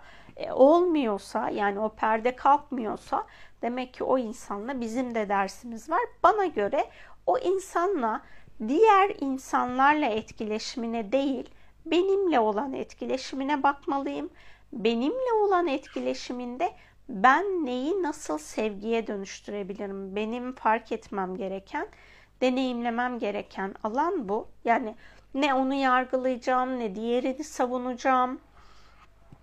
Bu ortak alanda bulunduğumuz üçüncü kişiler değil sadece ikili ilişkilerde ben ve onun ilişki alanında ben kendi alanımı ışığa nasıl dönüştürebilirim?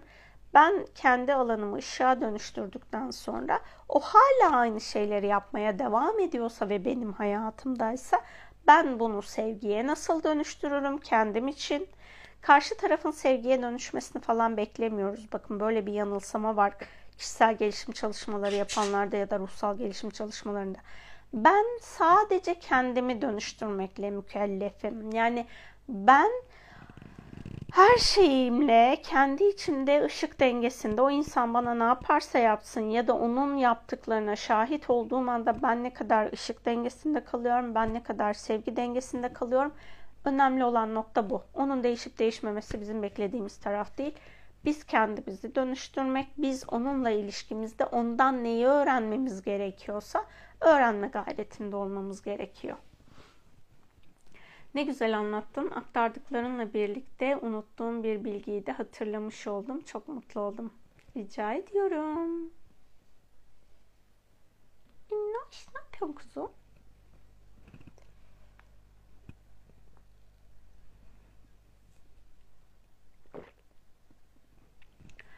Başka sormak istediğiniz soru yoksa yayınımızı tamamlayalım. Soracağınız sorular varsa da devam edebiliriz. Birileri yayını kaydedecek misiniz diye sormuştu. Eğer bir aksilik olmazsa kaydedeceğim. Çok teşekkür ederim kıymetli bilgilerin için. Nasıl güzel bir ruhsun. Teşekkür ederim. Hepimiz güzel bir ruhuz ya. Hani onu bence hmm, farkına varalım onun. Psişik ruhsal kancalardan arınmak için nasıl bir çalışma yapmalıyız? Bunu az önce sordular ya hani orada şunu söyledim. Bizim alanımızda eğer bir o kancanın atılmasına sebep olan bir durum vardır. Yani bende hiç olmayan bir şeyden dolayı hiç kimse benim alanıma enerjisel düzeyde bağ kuramaz ya da kanca atamaz. Önceliğim ben bu kancaya neden maruz kalıyorum? O programı kendi içimde bulup temizlemeliyim ki bir daha öyle bir deneyim yaşamamış olayım. Yani yaşadığımız her şeyde önce kendimize bakalım. Benim henüz ışığa dönüşmemiş neyim var da ben bu deneyimi yaşıyorum? Soracağımız soru bu olsun. Kendi içimizde o programı ışığa dönüştürdüğümüzde diğer insanlarla bir araya geldiğimizde elbette ki etkileneceğiz. Ama orada enerjisel düzeyde birbirimizi negatif etkileyecek, olumsuz etkileyecek bağlar olmayacaktır. Yani işte ben empatım, ben herkesten enerji alıyorum, onu yapmak istemiyorum, bunu yapmak istemiyorum. Herkes bana enerjisel düzeyde bağ kuruluyor falan bunları istemiyorum tarzında söylemler bizim kibirle söylediğimiz sözler. Bu yüzden hani kibirle söz söylemek yerine ben kendi içimde neyi nasıl ışığa dönüştürürüm onun yolunu bulmak bana daha doğru geliyor. Atasal ve anneden deniyor Yasemin abla demişsiniz. Ben ya hani böyle yanlış yanlış bilgilerle birbirimizi manipüle ediyoruz ya o benim gerçekten canımı sıkıyor. Şimdi benim annemle babamla bu soyla anlaşma yapmamın bir sebebi var. Benim ya ruhsal boyutta bir karmam var ya bir yaşam dersim var ya ruhsal görevim var. Bu üç nedenden dolayı ben bu atasal programın içine dahil oluyorum. Yani burada ben kendimi dönüştürüp şifalandırdığımda o atasal programlardan özgürleşebiliyorum. Ama ben atalarımı, annemi, babamı suçladığım sürece ne kendimi dönüştürebilirim ne kendi varoluşumun yani o aileyi seçiş amacım neyse onu yerine getirmiş ol olabilirim. Bu yüzden hani birbirimizi ötekileştirmek ya da ondan dolayı oldu demek yerine benim bu ailede oluşumun bir sebebi var. Ben bu sebep doğrultusunda kendi alanımı nasıl şifalandırırım? O bizim bakacağımız taraf olması gerekiyor. Daha önce bu konuyu ifade ettim tekrar söyleyeyim. Cesur Ruhlar diye bir kitap var. Bildiğim kadarıyla basımı yok. Ya kütüphanelerden bulabilirsiniz onu ya da internetten pdf'ini bulabilirsiniz. O kitap ruhsal planlarla alakalıydı. Yani 9 kişinin ayrı ayrı ruhsal planını anlatıyor. O, o kitabı okuduktan sonra benim kendi içimde yaşama dair hem kendi hayatımla ilgili hem başkalarının hayatıyla ilgili sorguladığım, kabullenemediğim durumları anlamış oldum. Yani biz bu hayatta şu an deneyimler yaşıyorsak bunun oluş amacı o insandan kaynaklanmıyor. Benim varoluşsal düzeyde bir deneyimimden kaynaklanıyor ya da benim bunu öğrenmem gerekiyor ki ben o durumu deneyimliyorum. Hani bana göre bakılacak alan ya da yol alınacak taraf bu olması gerekiyor. Veya kendinize bir yol haritası çizecekseniz kendi dönüşümünüzle ilgili yaşadığımız sorunlarda tespit ettiğiniz kaynağı diyelim. İşte bu programı ben dayımdan dolayı yaşıyorum. Ben bu programı anneannemin anneannesinden dolayı yaşıyorum falan. Her, her neyse hani böyle bütün programları gördünüz. Annenizden olur, babanızdan olur, dayınızdan, teyzenizden, amcanızdan, her neyse halanızdan. Bütün hepsini buldunuz sebeplerini. Ben ruhsal olarak hangi amaç için bu rolü annemden oynamasını, amcamdan oynamasını, dayımdan oynamasını ya da anneannemden işte atalarımdan oynamasını istedim. bu sorunun cevabını bulup bu alanı şifalandırmamız gerekiyor. Yani bir şeyi tespit etmek çözüm olmayabiliyor. Ve tespit ettiğinizde bu defa içinizden karşı tarafa bir öfke ortaya çıkıyor.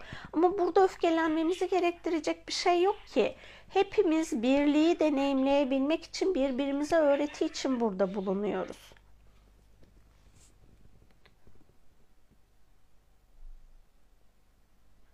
Sorulan sorular ve gelen cevaplar ne kadar da ortak oluyor aslında alanda. Herkes alması ve anlaması gerekeni alıyor. Çok teşekkürler rica ediyorum.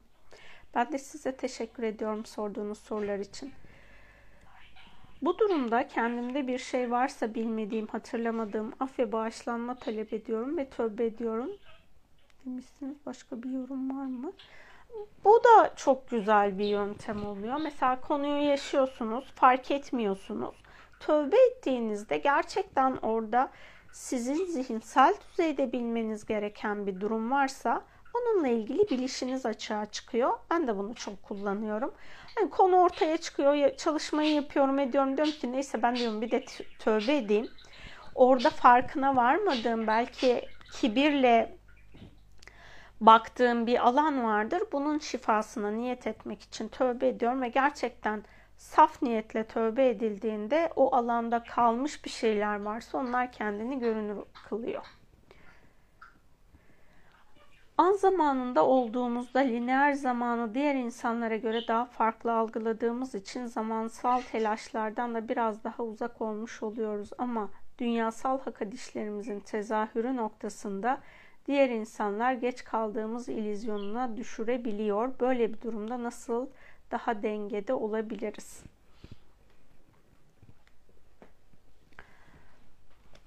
Bu benim hakikatim mi sorusunu sorabilirsiniz. Yani eğer o sizin hakikatinizse orada belki de eyleme geçmeniz gerekiyordur. Biraz daha hızlanmanız gerekiyordur. Onun bilgisi gelecektir. Ama sizin hakikatiniz değilse yani karşı tarafın size söyledikleri o kendi içinizde huzurlu olmanıza sebep olacaktır. Yani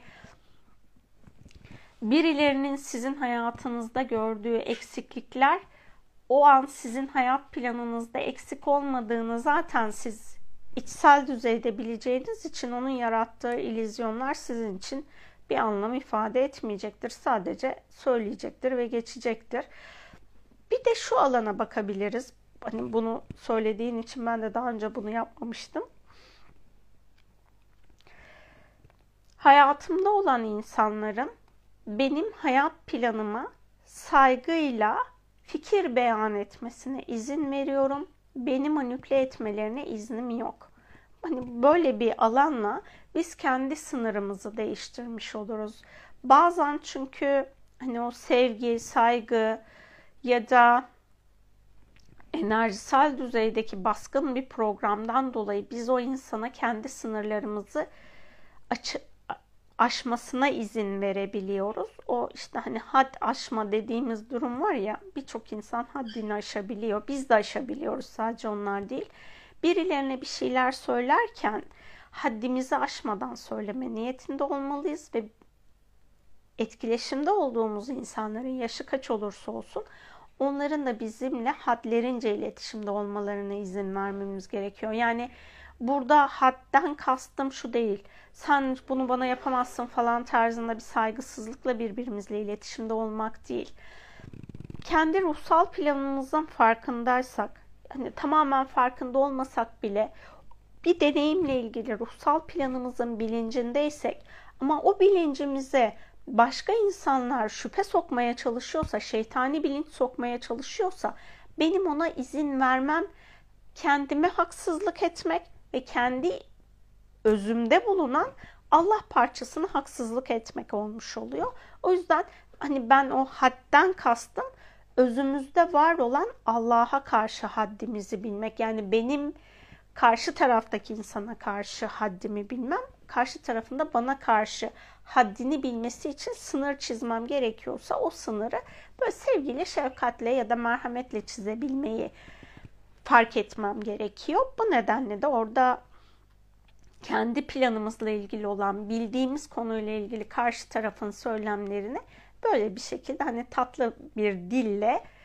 ben olması gereken zamanı biliyorum diyerek onu bir durdurmanın yolunu bulmamız gerekiyor olabilir. Ama enerjisel düzeyde bu hani sınırımı geçmene, haddini aşmana iznim yok söylemini o insanın ruhuna ilettiğimizde o alanı dünyasal olarak çatışma yaşamadan da dengeleyebiliriz.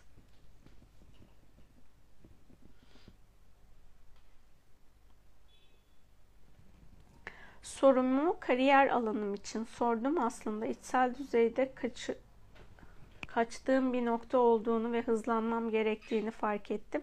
Niyet de kalbime çok iyi geldi. Teşekkür ederim. Rica ediyorum.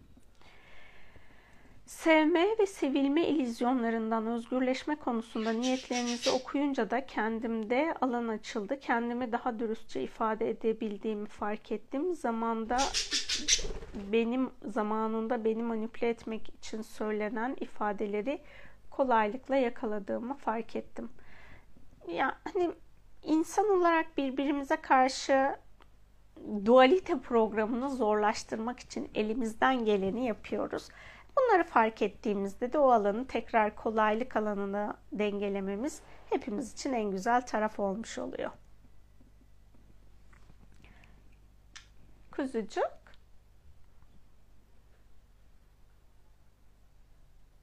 Gelmek ister misin Minnoş? Herhalde sen müzikle daha çok coşuyormuşsun fıstık. Şu an sadece benim sesimle çok konuşmadın ama meditasyonlarda maşallah çok tatlı konuşuyorsun. Gelmek ister misin?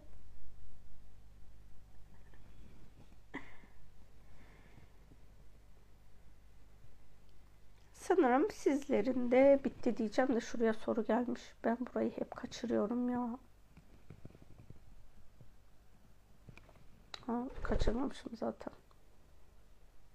Bence siz şu sorular kısmından bana soru sormayın. Ben orayı kullanmayı çok bilmiyorum. Hani uzun zamandır da Instagram'ı kullanmadığım için ben böyle buradan da kaçırırım diye yani telefondan yorumları kaçırırım diye bilgisayar açıyorum. Bilgisayarda da o soru bölümü yok. O yüzden oradan sorularınızı kaçırabilirim.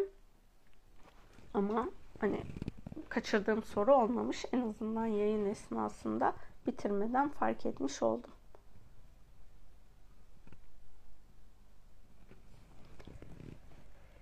O zaman ben hepinize çok teşekkür ediyorum.